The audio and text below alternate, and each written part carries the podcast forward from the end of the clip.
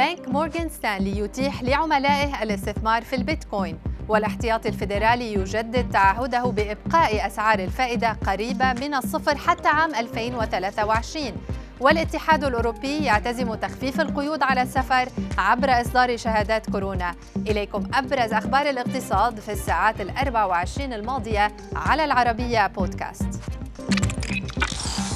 أصبح بنك مورغان ستانلي أول بنك أمريكي كبير يتيح لعملاء قسم إدارة الثروات لديه الاستثمار في البيتكوين وسيتيح البنك لكبار العملاء الذين يملكون أصول لا تقل عن مليوني دولار.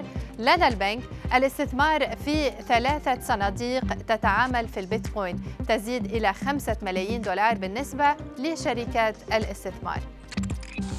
جدد الاحتياطي الفيدرالي التعهد بإبقاء أسعار الفائدة قريبة من الصفر حتى عام 2023 متوقعا قفزة سريعة في النمو الاقتصادي والتضخم هذا العام مع انحسار أزمة كورونا.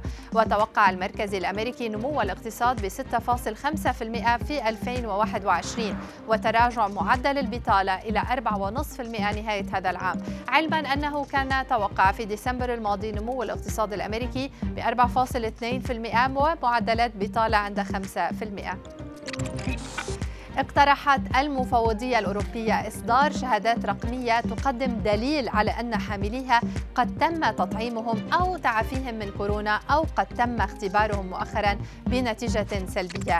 يأتي ذلك في خطوة لتخفيف القيود التي يسببها فيروس كورونا على السفر استعدادا للعودة التدريجية إلى الحياة الطبيعية. ومن المقرر بحسب مسودة القرار اعتماد الشهادات الرقمية الجديدة بحلول منتصف يونيو المقبل. ارتفعت أسهم فولكسفاجن بأكثر من 17% خلال ثلاث جلسات على أثر الحرب التي شنها الرئيس التنفيذي على تسلا ومصنعي السيارات الكهربائية. كما صرحت فولكسفاجن أيضا أنها ستقلل تكاليف إنتاج بطاريات السيارات ب 50% ما سيخفض أسعار البيع بالتجزئة.